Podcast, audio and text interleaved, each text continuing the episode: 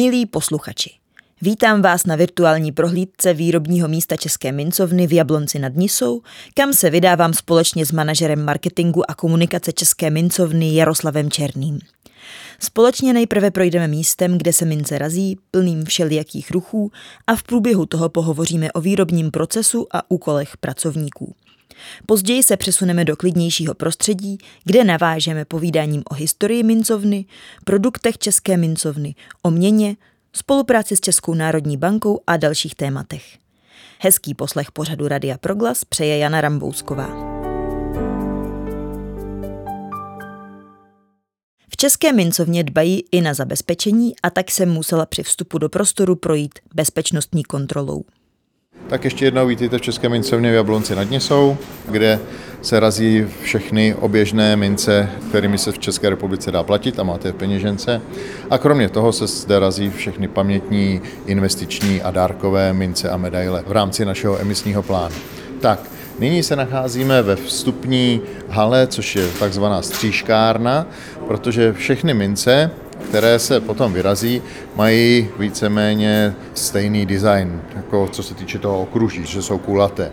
A když se podíváme tady, z tohohle toho vznikne 50 koruna. Mm-hmm.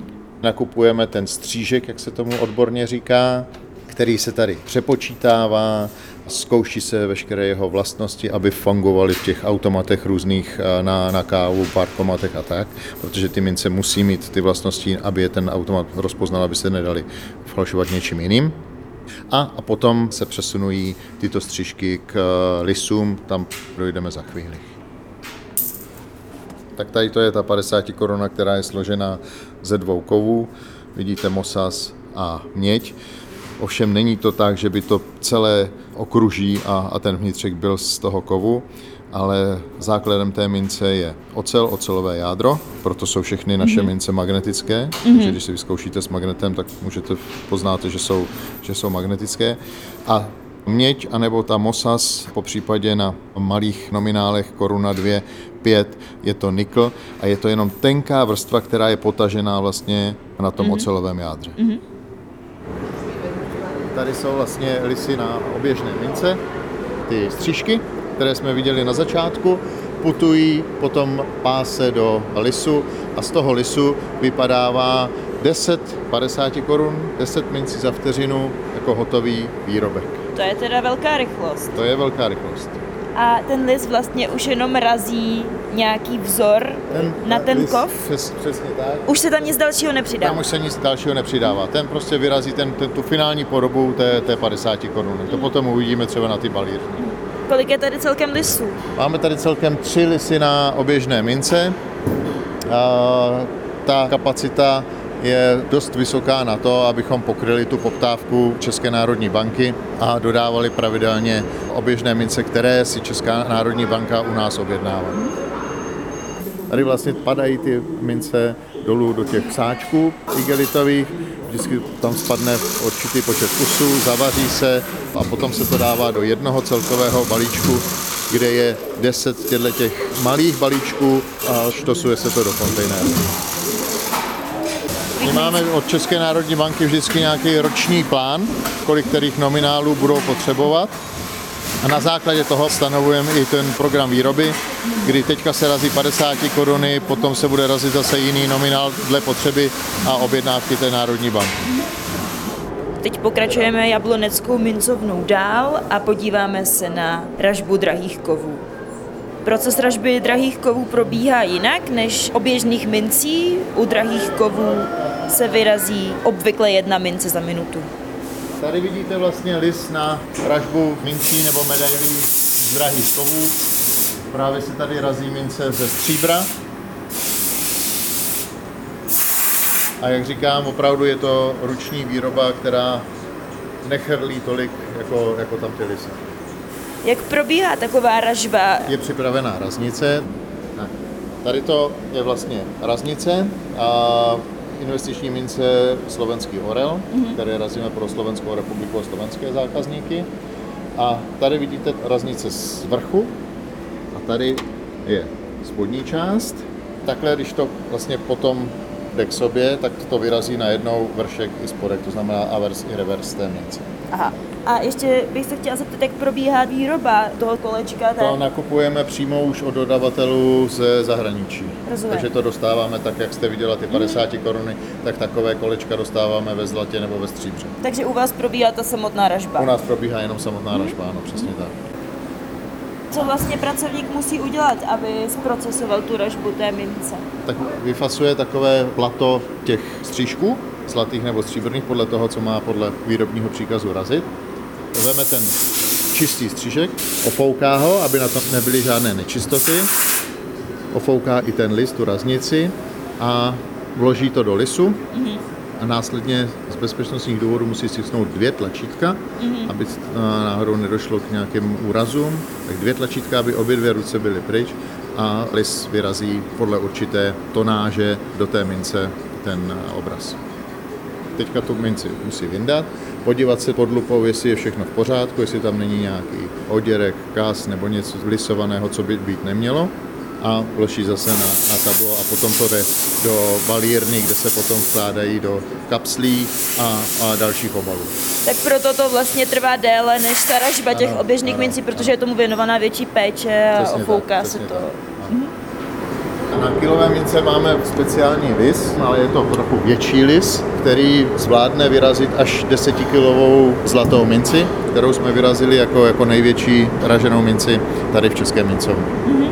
A jak dlouho ho tady máte? A máme ho tady asi dva roky a bylo vyraženo celkem pět desetikilových mincí, kteří už mají svoje zákazníky tak eh, byly vyraženy v roce 2022. Je to novinka, protože byla poptávka po větších mincích od kila výše, razili jsme kilový, pětikilový, desetikilový, takže proto jsme pořídili i tento větší vis. Jak to vzniká celé? Tak vlastně my od výtvarníka, medailéra, který je eh, poptán se zakázkou na určitou tematiku, dostaneme sádrový model. Tento sádrový model, protože sádra je křehká, tak eh, se s ním nedá tak lehce pracovat. A jsou dva potom dva způsoby, jak z tohoto sádrového modelu si připravit tu raznici.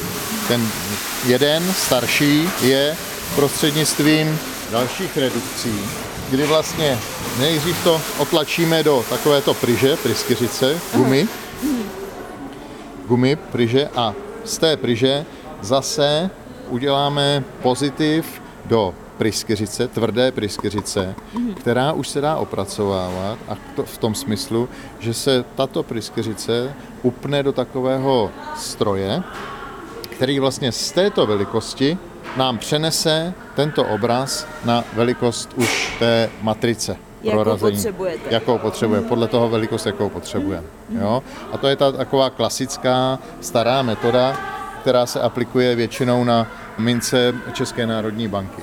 Mm-hmm. A pokud chceme ten proces zrychlit, protože tohle chvíli trvá, tak vlastně tento model prostřednictvím 3D eh, skeneru naskenujeme do, do počítače a z toho počítače nám potom eh, si dokážeme už vyrábět, nebo prostě prostřednictvím CNC strojů si dokážeme vyrábět ty matrice na raznici. A tohle to je standardní velikost, jakou vám vždycky Tohle je sta- standardní velikost, je to v průměr zhruba 20 cm sádra. Posloucháte Radio Proglas a právě jste spolu s námi na virtuální exkurzi ve výrobním místě České mincovny v Jablonci nad Nisou. Vydáváme se na pracoviště, které se nazývá Prův. Některé sběratelské nebo pamětní mince jsou opatřeny lesklým povrchem a aby se tak mohlo stát, neleští se mince samotná, ale raznice, která se pro ražbu takové mince používá. Dámy musí opravdu tu raznici vyleštit v těch místech, kde má být lesklá, musí vyleštit. Mm-hmm. Jaký prostředek na to používají? Používají na to tuto brusku leštičku a potom ten matný povrch vlastně se eh, provádí v pískovačce opískováním. Mm-hmm. Jo, a tamhle právě pod tím mikroskopem, když se můžeme podívat, ano.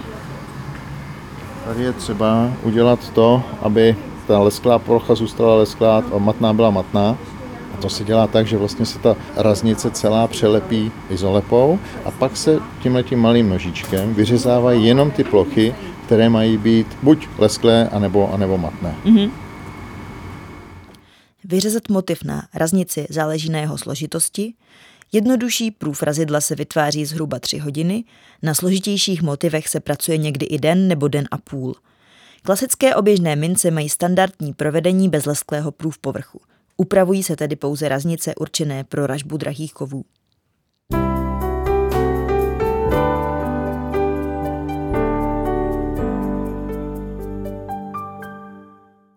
Posloucháte Radio Proglas a pokračuje naše exkurze do České mincovny. Nyní se přesouváme do klidnějšího prostředí a dozvíme se více o historii mincovny, výhodách investování do drahých kovů, sběratelství, emisních plánech České mincovny do budoucna a její další činnosti. Povídám si s Jaroslavem Černým, šéfem marketingu a komunikace v České mincovně v Jablonci nad Nísou. Já bych ráda navázala otázkou, protože Česká mincovna tento rok slaví 30 let, tak jakým způsobem máte v plánu, pane Černý, oslavit toto jubileum v České mincovně? Bych to řekl možná i uh, jazykem předchozích, takže budeme slavit prací. Ale ne, Mincovna slaví 30 let a 30 let slaví i Česká republika. Vlastně Mincovna vznikla na základě toho, že se Česko-Slovensko rozdělilo a mincovna, která fungovala pro Československo, je v Kremnici a funguje pro Slovensko a Česká národní banka chtěla mít svoji vlastní mincovnu České republice. Nemusela být úplně státní, ale chtěla mít prostě na českém území. Tudíž vznikla Česká mincovna, která je soukromá společnost a dodává oběžné a pamětní mince pro Českou národní banku. Vrátím se teda k tomu výročí. U příležitosti výročí budeme vydávat emisy mincí, které mají nějakou souvislost jak s Českou mincovnou, tak s Českou republikou, takže na to se mohou posluchači těšit. A samozřejmě náš emisní plán obsahuje více jak 200 položek, které každý rok vydáváme a emisní plán zveřejňujeme vždycky v listopadu na následující rok a zákazníci si mohou mince, které se jim líbí podle, podle názvu, nebo už mají nějakou začáteční sérii, začali sbírat, tak si je mohou rezervovat. Co se týče dalších oslav, tak pro zaměstnance a, a naše partnery jsme uspořádali ples České mincovny v dubnu letošního roku v Liberci, kde se zúčastnilo asi 350 osob. Mm-hmm. Razíte stříbrné a zlaté mince a toho se také dotýká obor numizmatiky. Můžete přiblížit posluchačům, co je to numizmatika? Numizmatika je obor, který se věnuje sbírání mincí a medailí. Jsou mince a medaile, které mají svoji hodnotu historickou, mají svoji hodnotu aktuálně dle tématu a tomu se právě ty numizmatici věnují třeba najdete na půdě nějaké mince, tak zajdete k numizmatikovi a numizmatik vám řekne, tato mince může mít nějakou hodnotu, anebo nechte si jenom na památku, hodnotu nemá, ale je, je zajímavá. Ty mince, které razíte, časem hodnotu nabývají právě kvůli tomu, že můžou být třeba v rámci nějaké unikátní série. Je to tak? Můžete to trochu přiblížit? Přesně tak. Mince i medaile, které razíme, mají atributy, které tu cenu zvyšují v následné době. A to je jednak cena kovu jako taková, to je základ. Pak je to motiv, pak je to výtvarník, který ten motiv stvárnil, a samozřejmě je to i výška té emise, protože všechny naše mince a medaile jsou limitovány. To znamená, nemají nekonečnou možnost ražby a tím vlastně ta mince a medaile nabývá na hodnotě. Teď v únoru vyšla mince Nikoli Tesly. Tesly ano. Takže máte teď v plánu razit podobné mince, které jsou věnovány nějakým známým osobnostem nebo historickým událostem?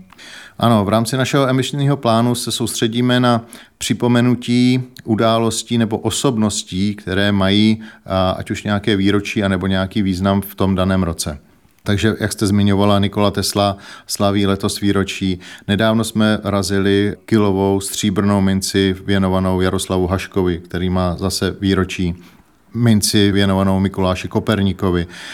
A nebo to jsou mince věnované událostem, ať už je to sametová revoluce nebo lidice, když mají výročí, nebo když má výročí nějaká událost, která se udála, ať už na území Čech, anebo i v zahraničí. Můžeme teď zabrousit trochu do historie. Co se v průběhu 30 let ve vaší mincovně změnilo? Nebo je všechno stále stejné? Tak ražba je stále stejná, nebo prostě proces výroby té mince, ten se nezměnil. Samozřejmě přibývají atributy, které jsou moderní, anebo jsou zajímavé z pohledu ať už těch numizmatiků, anebo i té samotné ražby. Mohu zmínit, že děláme mince se smaltem, to znamená, že tam je část smaltovaná, děláme mince s křišťálem, děláme mince s hologramem, a takovéto unikátní věci, které se k ražbě mincí hodí, se snažíme aplikovat a přinést tak na trh něco zajímavého pro, te, pro numizmatiky, anebo i pro normální investory. Mhm. Jak je ta samotná ražba nákladná? Nakolik vychází náklady na tu ražbu ve srovnání s náklady na samotný ten kov drahý, cený? Tak je to různé.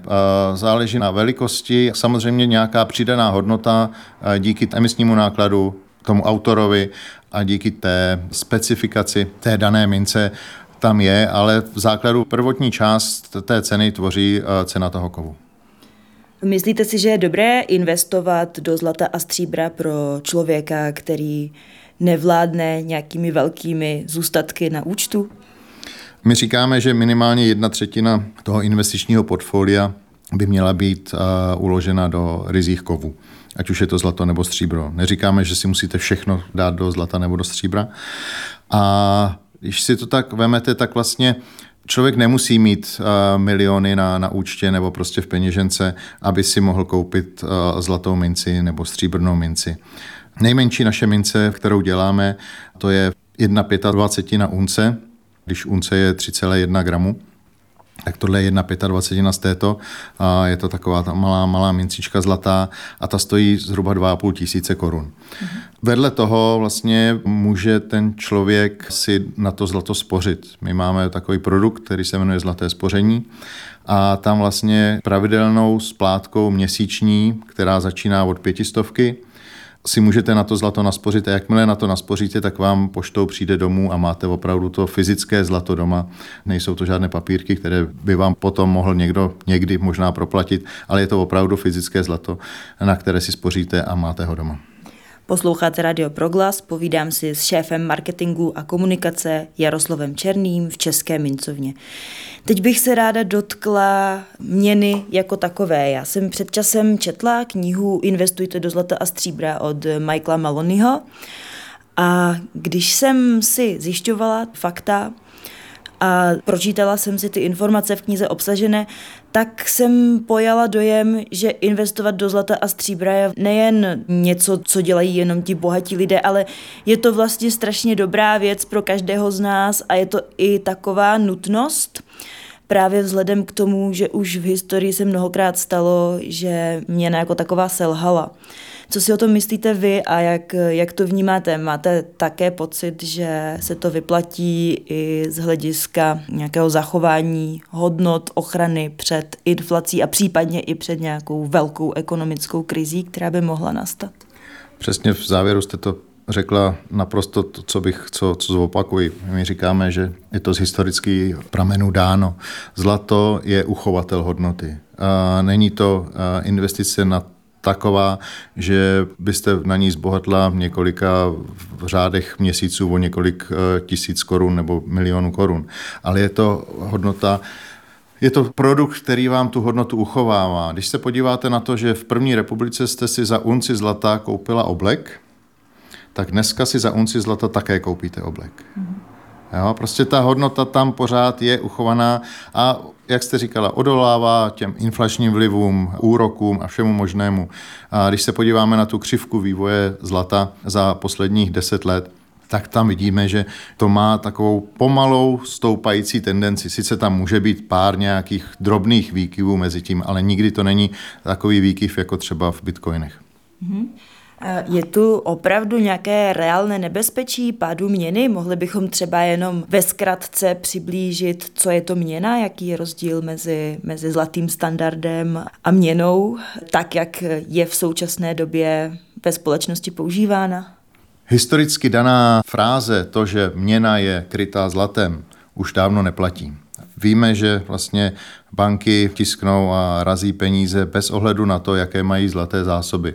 To je jedna věc. A druhá věc je ta, že jak vidíte, může se stát cokoliv a s tou měnou může dojít k různým výkyvům nebo k různým problémům, ale jak říkám, z historického hlediska prostě to zlato vám tu hodnotu uchová a prodáte ho kdekoliv na světě. Když půjdete s jakoukoliv měnou někde do jiného státu, tak už tam máte směné kurzy, už musíte prostě počítat s tímto. Když to, to zlato má tu cenu danou díky burzám celosvětově a, a tudíž eh, je upotřebitelný kdekoliv na světě. Mm-hmm. Teď bych se ráda zeptala, kde máte prodejny, kde je možné nakoupit vaše produkty. Česká mincovna, která sídlí se svojí výrobou v Jablonci nad Nisou, kde dneska jsme, tak má čtyři prodejny v České republice, dvě v Praze, jednu v Jablonci a jednu v Brně. A kromě toho máme naši ceřinou pobočku také v Bratislavě na Slovensku. Nabízíte také možnost poradenství pro lidi, kteří investování do zlata a stříbra nerozumí? Ano, naši poradci a prodejci v jedné osobě vlastně dokáží lidem, zákazníkům poradit, co by, jak měli investovat. Dokážou jim složit to portfolio tak, aby eh, byli spokojení a mělo to nějakou eh, zrůstající tendenci i do budoucna. Mm-hmm. Vnímáte velký zájem veřejnosti? Třeba v poslední době má to nějakou zvyšující se tendenci? Ano, za poslední tři roky vlastně od e, doby před covidem tam jsme viděli narůstající tendenci i ve smyslu toho, že lidé nevěděli, co bude a vzpomněli si na to, že zlato je uchovatel hodnoty. Takže využili tuto, tuto možnost investování do zlata a uložili si své finance i do zlatých Mm-hmm. Vy také spolupracujete s Českou národní bankou, samozřejmě. Eh, mohli bychom nahlédnout do vaší spolupráce, v čem konkrétně spolupracujete, jak vaše spolupráce probíhá? Tak pro Českou národní banku Česká mincovna razí všechny oběžné mince. To už jsme říkali, od koruny po 50 korunu. Dneska jsme viděli ražbu vlastně 50 koruny. A dále pro Českou národní banku na základě výběrových řízení razíme i pamětní mince a medaile, které vydává v rámci svého emisního plánu Česká národní banka. Takže tyto mince jsou potom k sehnání v České národní bance nebo se dají i u vás ve vašich obchodech zakoupit? Česká národní banka jako taková instituce je neprodává, ale prodává je prostřednictvím svých partnerů a jedním z nich je i Česká mincovna. Mm-hmm. Kromě investičních mincí vyrábíte i slitky, cihly, ne, to, to nevyrábíme. Jak jsem ukazoval, vlastně my získáváme střížky jako takové a razíme do toho mince. Mm-hmm. Lze jít na prohlídku do České mincovny? Může si někdo domluvit, se objednat na prohlídku? Bohužel tato možnost od doby covidu není a v současné době je to i z důvodu bezpečnostních hledisek, kdy jsme investovali do dalších eh, strojů a zařízení, které nám zaplnili ty výrobní prostory a tudíž pohyb většího množství lidí ve výrobních prostorech není úplně ideální a, a proto to nenabízíme. Mm-hmm.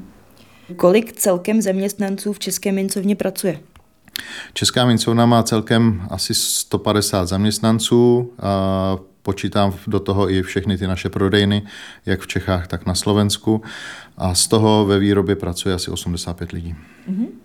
A mincovna se věnuje také charitativní činnosti. Můžete přiblížit, jak konkrétně? My jsme se stali partnerem uh, Babyboxu, a to ve smyslu takovém, že vlastně každé dítě do začátku by mělo dostat nějaký penízek, je to z historického pohledu, vždycky do kolébky někdo dával zlatku nebo dukátek, tak my jsme se k tomuto přihlásili a vlastně každé dítě, které se eh, narodí nebo objeví v babyboxu, tak eh, od České mincovny získá dukátek k narození dítěte. Povídala jsem si s Jaroslavem Černým, šéfem marketingu a komunikace v České mincovně. Děkuji za rozhovor, pane Černý.